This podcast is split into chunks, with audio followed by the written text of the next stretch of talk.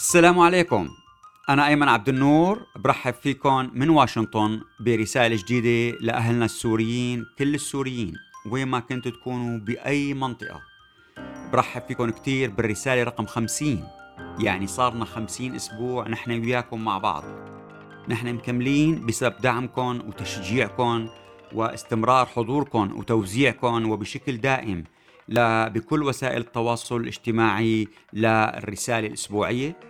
أه وشكرا لكم وكمان تابعوا إنه نحن نبعثها للكل الموالين حتى الرماديين لحتى يكون في قدامنا على القليله شيء مشترك الكل معتمدين على معلومات صحيحة مدققة من اصحابها الرسالة مثل ما عم بتشوفوا بتتضمن فقط معلومات بنبتعد نحن عن التحليل نهائيا لحتى نترك لكم أنتم تكونوا صاحبين الرسالة هي منكم والكم بالتالي كل واحد على حسب خلفيته والمكان اللي عايش فيه والمعطيات والمعلومات المتوفرة عنده.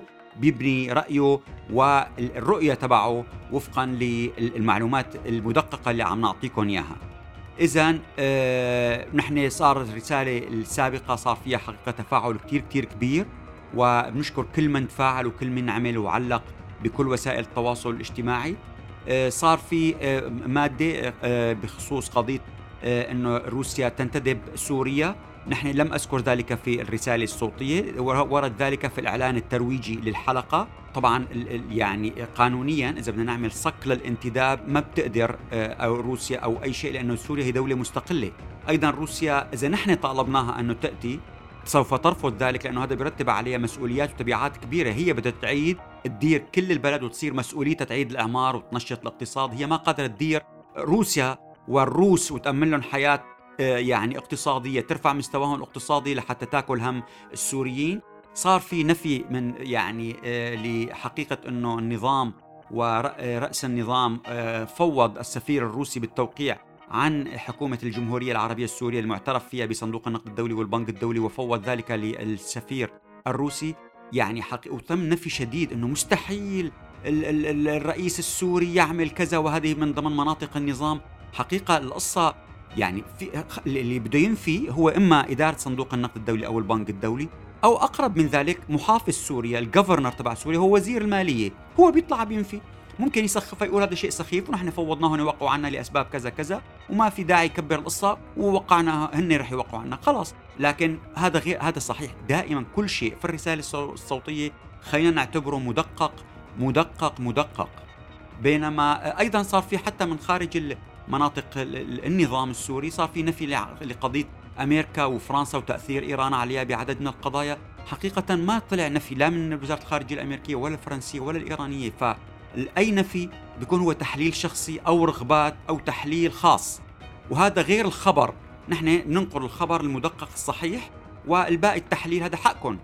التفاعل الأهم اللي اجى حقيقة هو اللي إجانا من شخص قالنا مو فقط روسيا عم تعمل إنه هي صارت مثل هي آخذة قضية ال ال ال كل المصادر المالية السورية الاقتصادية بإيدها لكن رح نعطيكم مثل شو عملت حتى بالنفط وعم تشتري مواقع إنتاج النفط داخل سوريا.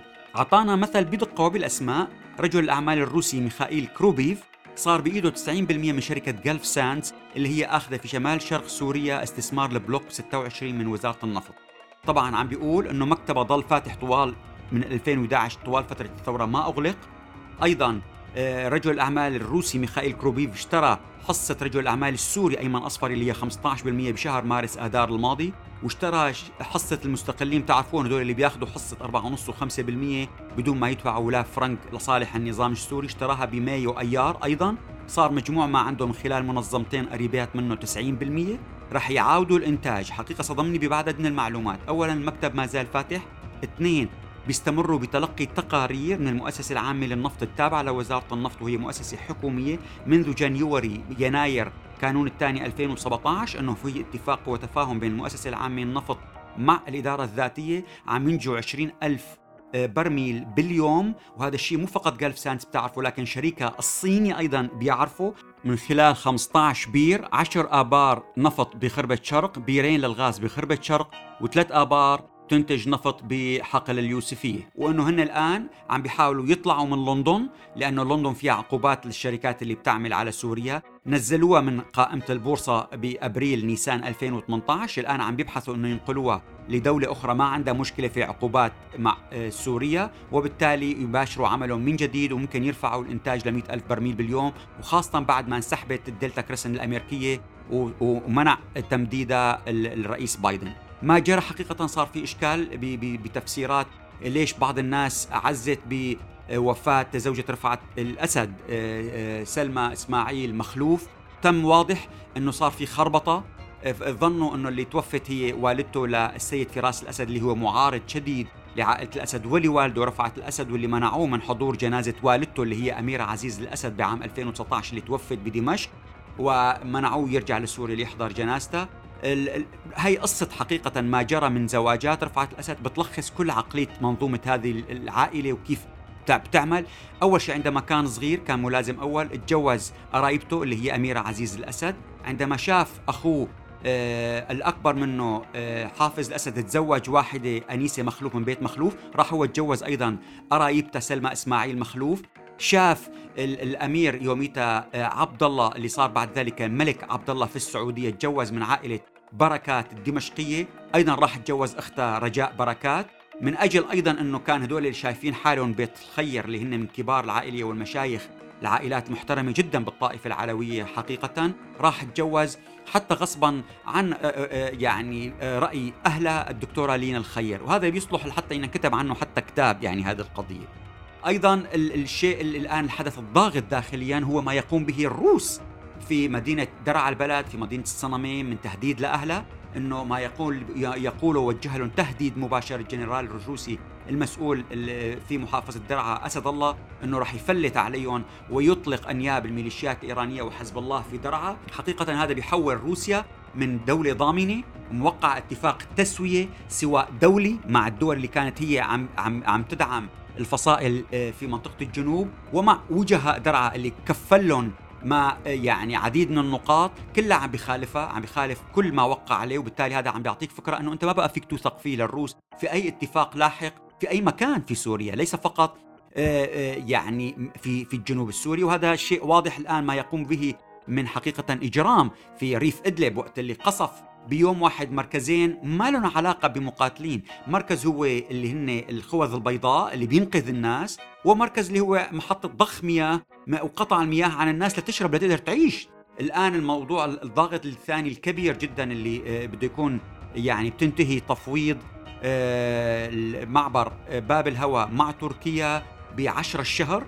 وبالتالي من يوم 8 الشهر بدها تبدأ الرئيس مجلس الأمن الدولي اللي هو الآن السفير الفرنسي اجتماعات مكثفة يوم 8 ويوم 9 ليوصلوا لاتفاق آه، المبعوث الروسي الخاص لسوريا ألكسندر لافرانتييف راح للشام التقى ببشار اسد الأسد.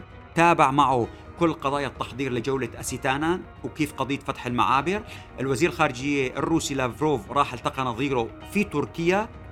صار في ضجة وخطأ في الترجمة وقت اللي طرحوا قضية إنه إنشاء منطقة خالية بين روسيا وتركيا في شمال غرب سوريا من التو... خالية من التواجد العسكري. غير صحيح إن كانوا عم بيشيروا للاتفاق البروتوكول اللي وقعوه ب 5 آذار مارس 2020 اللي بينص على تشكيل منطقة منزوعة من السلاح وخالية من الوجود العسكري 6 كيلومتر آه، شمال و6 كيلومتر جنوب الطريق السريع M4 وهن كانوا على أساس يعملوا دوريات مشتركة روسية تركية فشلت بعد ما عملوا 25 وحدة وقفوها ب 25 اب أغسطس 2020 الهدف الروسي من وراء كل هالقضية هو ضمان أنه تمرق قوافل العبور التجارة من أجل أن يؤمن دخل للنظام للتصدير وللعبور عبر ترفيق كل الشاحنات وبالتالي أيضا بيأمن أموال ل يعني خلينا نقول أمراء الحرب في مناطق شمال غرب سوريا. وبالتالي بدأ بيأمن أموال للطرفين. هذا حقيقة بعدها بينتقل لموضوع آخر هو الضغط على تركيا من أجل توسيع آه، اتفاق اضنا تبع الموقع ب 98 لتنسحب وفقط بتكون نحو في منطقة تتواجد فيها بعمق 10 15 كيلومتر من الشريط التركي التركي داخل الأراضي السورية وبيضعوا جدول جدول زمني للانسحاب. يعني قضية معقدة لكن الآن المشكلة هي كيف اللي بده يتم اتفاق أو بدها تعمل روسيا فيتو في مجلس الأمن الدولي. قبل ذلك الآن تنطلق أسيتانا. أسيتانا راح وفد من النظام ووفد من ال ما يسمي حاله إنه يمثل المعارضة السورية. بكل الأحوال الخارجية الكازاخيه قالت إنه رح يناقشوا هنيك ملف المساعدات الإنسانية واستئناف عمل اللجنة الدستورية بجنيف أنه ممكن يطرحوا طرق جديدة لإيصال المساعدات إلى داخل مناطق المعارضة من داخل مناطق النظام. اللي آه، يعني بتوقع الأمر صعب ما حدا بيوثق فيهم للروس ولا للنظام لحتى يقوموا بهيك عملية ومن الضروري جدا فتح المعابر الدولية من أجل تدخل الشاحنات المساعدات لأهلنا وناسنا في لحوالي 6.7 مليون شخص بيقطنوا بشمال غرب وشمال شرق سوريا. أيضا عم بيحاولوا يعملوا في مؤتمر اسيتانا أنه يطرحوا إجراء بناء الثقة من تبادل الأسرى والمعتقلين. إن شاء الله لكن عم بيرد عليهم السفير الفرنسي عم بيقول 92% من كل مساعدات الأمم المتحدة بيدفعها الاتحاد الأوروبي وأمريكا وكندا، ليش ما تشرفوا أنتم يا روسيا تدفعوا 10% بدل ما قاعدين آه، شاطرين بالحكي؟ هذا سؤال. الدكتور برهان غليون طرح مقال جدا مهم عن ضياع السوريين وتقطع السبل فيهم. عم بيقول إنه السوريين عم بيدور بحلقة مفرغة. البعض بيلهث وراء إحياء لشخصيات كان لها أثر بالحياة السورية بالنظام أو المعارضة أو إنه بيراهنوا على أشخاص موهوبين مفكرين أو فنانين عندهم شعبية حقيقة. أو ناس بيراهنوا على إنه يصير في هنيك تنظيمات أو مؤتمر وطني عام. عم بيقول نحن ما المشكلة إذا ما عندنا رؤية وإرادة للعيش المشترك لإعادة توحيد المجتمع والشعب في سوريا ما بيفيدنا أي تصرف آخر. لا لابي لا حكي لا إعلام ولا شيء. يعني أنا كيف بيجي بعترض مثلا على القسد؟ آه، بيعترض على الإدارة الذاتية وما عندي بديل وطني بيجي بيقول لهم هذا أحسن من المشروع تبعكم وبالتالي كل الأكراد والعرب هناك بيتركوا مشروع قسد بيقولوا لا نحن بنتخذ المشروع الوطني. ما عندنا مشروع بديل يقول لازم نقاوم كل الاحتلالات العسكرية الأجنبية ونخرج كل الجيوش اللي موجودة على الأرض السورية لكن آه، ما عندنا بديل للسلطات القائمة حاليا اللي هي سلطات ميليشيات خاصة وأمراء حرب. يعني عم بيقول إنه إقامة نظام الحرية الذي يعيد السلطة للشعب ويضمن المساواة بين الجميع من دون أي تمييز. هذا اللي لازم يكون يدعونا لبناء مشروع وطني. هذا الأساس. أيضا الدكتور محمد الأحمد عمل تعقيب على مقالتين. الدكتور رضوان الزيادة اللي كان اسمه العصبية العلوية قال لا الدكتور محمد الأحمد لازم نفكك العقل العصبي عند السوريين.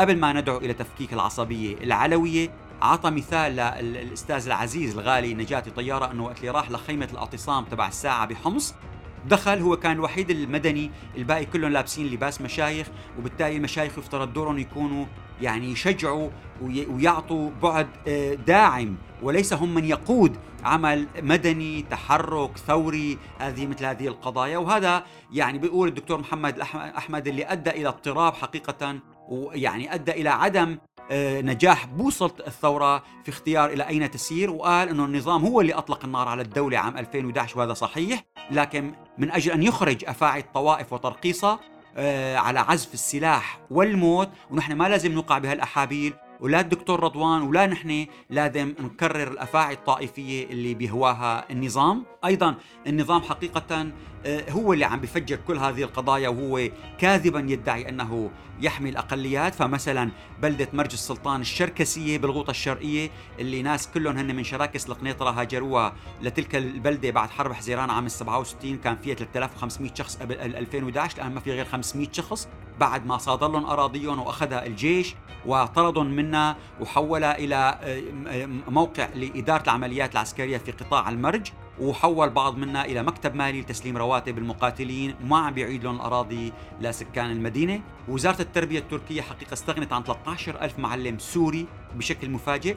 خلينا نقول إنه هدول المعلمين السوريين صحيح إنه كانوا بيدرسوا بمدارس حكومية آه، تركية لكن اللي بيدفع لهم معاشهم هو مو الحكومة التركية من جيبتها. اللي بيدفع لهم معاشهم هو برنامج الأمم المتحدة اليونيسف واليونيسف تاخذ ربع ميزانيتها من الولايات المتحدة. يعني أمريكا عم تدفع كانت ربع معاشات أولئك ال 13000 أستاذ سوري. أيضا كان في برنامج آخر بالتعاون مع الاتحاد الأوروبي لدمج اللاجئين للأطفال السوريين ب 26 ولاية بنظام التعليمي لتركيا. أيضا صار حدث حقيقة محزن.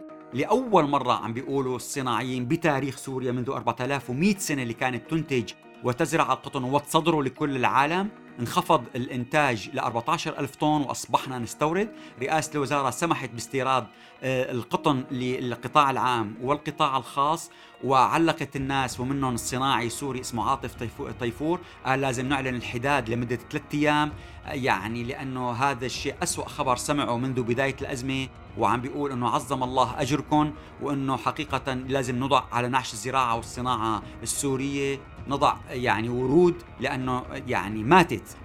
قناة الجزيرة عرضت فيلم اسمه المسافة صفر حقيقة أدخلت كاميرات سرية لمناطق الإدارة الذاتية وقامت بالتصوير عبر فريق سري هنيك. فضحت فيها كثير من الفضايح من الأنفاق وتواجدها داخل تحت المدن من أجل أسباب عسكرية والدخول والهروب في بعض منها قريب من الحدود التركية. أيضا فضحت التلوث البيئي الكبير بسبب سوء استخدام النفط والتلوث اللي عم بيعمله تكرير النفط هونيك للهواء وللمي واللي بيؤدي لأمراض مزمنة كثير وبعض المقاتلين في قسد عم بيقولوا إنه هن راحوا والتقوا مع ناس قادمين عبر الحدود ما بيحكوا عربي بيحكوا تركي اللي هن يفترض يكونوا حتى من جماعة PKK في صحيفة سويسرية فضحت قيام آه إنه بعض الشركات الألمانية بعثت عام 2015 خمس طنات من مادة الإيزوبروبانول لشركة آه اسمها شركة المتوسط للصناعات الدوائية بدمشق. بعثت لهم خمس طنات لكن دخل للشركة فقط واحد طن لتصنيع الأدوية الأربع طنات اختفت. بعد كثير من التحقيقات يبدو تبين أنه مركز البحوث والدراسات العلمية أخذ الأربع طنات استفاد منها بتصنيع 8 طن من السارين اللي بيقتل الشعب اللي هو غاز الأعصاب السيء السمعة وهذا بيؤدي إنه هال 8 طن بتكفي ل 40 هجوم كيميائي فيعني آه مأساة تم استغلال شركات خاصة شركات أدوية خاصة من أجل جلب مواد مزدوجة الاستخدام لترويع وقتل أهلنا وناسنا. اتصلت أنا مباشرة مع الصحفي صاحب التحقيق اللي هو الصحفي السويسري السيد كورت بيلدا. قلت له شو اللي صار؟ شرح لنا كثير قال إنه الحكومة السويسرية بعثت قوائم ومنعت تصدير مثل هالمواد لسوريا. وأنه صارت القصة أنه ما ما تم تدقيق من قبل من قبل الحكومة السويسرية لأنه النظام السوري استغل اسم عبد الرحمن عطار اللي هو رئيس الهلال الأحمر السوري وهو صاحب شركة الأدوية اللي استوردت المواد ال ال هذه المواد الطبية المزدوجة الاستخدام الاهلال الأحمر السوري هو جزء من الصليب الأحمر الدولي اللي مركزه جنيف سويسرا. وبالتالي وثقوا فيه وما دققوا كثير آه، إلى أين تتجه هذه المواد ومصدرها النهائي. وهذا اللي صار عبد الرحمن عطار توفى ما بقى يقدروا يلاحقوه فراحت القصة كلها وقال إنه هيك تمت القضية. الاتحاد الأوروبي أصدر بيان فضح أكاذيب تضليل النظام فضح إنه سوريا هي ليست آمنة من أجل عودة اللاجئين لأنه النظام عم بيمنع عودة اللاجئين من خلال آه، اختفاء البعض تعذيب البعض واعتقاله للآخرين. أيضا فضح إنه النظام عم بيقول إنه الاتحاد الأوروبي والغرب عم بيشن حرب اقتصادية. لا النظام السوري عم بيشن حرب اقتصادية على السوريين داخل مناطقه لتشديد الوضع الاقتصادي السيء من أجل دفعهم للهجرة وإساءة حياتهم من أجل إنه يصطفوا بالدور وبشراء موادهم بدل ما يحكوا بالسياسة. فضح تضليل النظام السوري إنه عم بيقول الدول الأعضاء الأوروبية بدها تفتح سفارتها. هذا غير صحيح وما راح تطبع معه. فضح اكاذيب النظام السوري وتضليله أنه النظام السوري ما لم ينفذ هجمات كيميائية لا نفذ في هناك أدلة واضحة وثابتة وفضح كثير من الأضاليل الأخرى. المنسق هيئة التنسيق الوطنية للتغيير الديمقراطي السيد حسن عبد العظيم ذكر عن أنه هن اجتمعوا مع مجلس سوريا الديمقراطية مسد ومنصة موسكو وجبهة السلام والحرية من أجل تشكيل بنية أكبر ولكن نفى أنه هي تكون مناهضة للائتلاف أو ضد أو بديلة لها ليث ابنه للشيخ وحيد بلعوس قائد فصيل الكرامة الإنساني حقيقة المتميز ذكر أنه لديه معلومات بدقة تشير أنه قاسم سليماني هو الذي أمر بقتل والده الشيخ وحيد بلعوس ووجه الأمر إلى حزب الله الذين استخدموا أشخاص تابعين للأمن العسكري وأنه الوافد أبو ترابه اللي خلوه جبرا يدلي بتصريحات هن علموه إياها. لا يمكن الاعتداد بها لأنه هن اللي نقنوا إياها تحت الضغط والترويع. مركز جسور اللي بيديره محمد سرميني عمل دراستين كويسات. أطلق خالد تركاوي دراسة عن أثرياء سوريا في زمان الحرب فضح فيها أساليب الترف اللي غير يعني يعني معتادة للسوريين. وائل علوان أيضا بالمركز أطلق خريطة المواقع العسكرية الأجنبية في سوريا ووعد إنه راح يعمل تجديد لها قريبا وفقا للمعطيات الجديدة اللي اتضحت. أمريكا وبريطانيا وزارات الخارجيه عملت بيان بخصوص وفاة أمين عيسى العلي حقيقة لدى احتجازه لدى قوات سوريا الديمقراطية وتم إيضاح بشكل دقيق إنه هو من مواليد 86 عمره 35 سنة فقط بمقيم بالحسكة هو عضو باللجنة الفرعية للحزب الديمقراطي الكردستاني إجت دورية تابعة لقسد اعتقلته من بيته ب 22 أيار مايو بدون أي مذكرة قضائية ب 28 حزيران يونيو اتصلوا مع أهله وقالوا روحوا استلموا الجثة بمشفى الشهيدة ساريا العسكري. ولوقت اللي راجعوها شافوا في آثار تعذيب على كل جسمه وبالتالي يعني مخزي وشيء لا يجوز ويجب أن يكون يعاقب كل من هو مسؤول عن ذلك الأمر. آه، بنقول شكرا لكم رجاء وزعوها لكل الناس. لا تخلوا الرسالة توقف لعنكم. بعتوها لحتى الموالين حتى للرمادين. لنتشارك كلنا بمعلومات مشتركة. وشكرا جزيلا.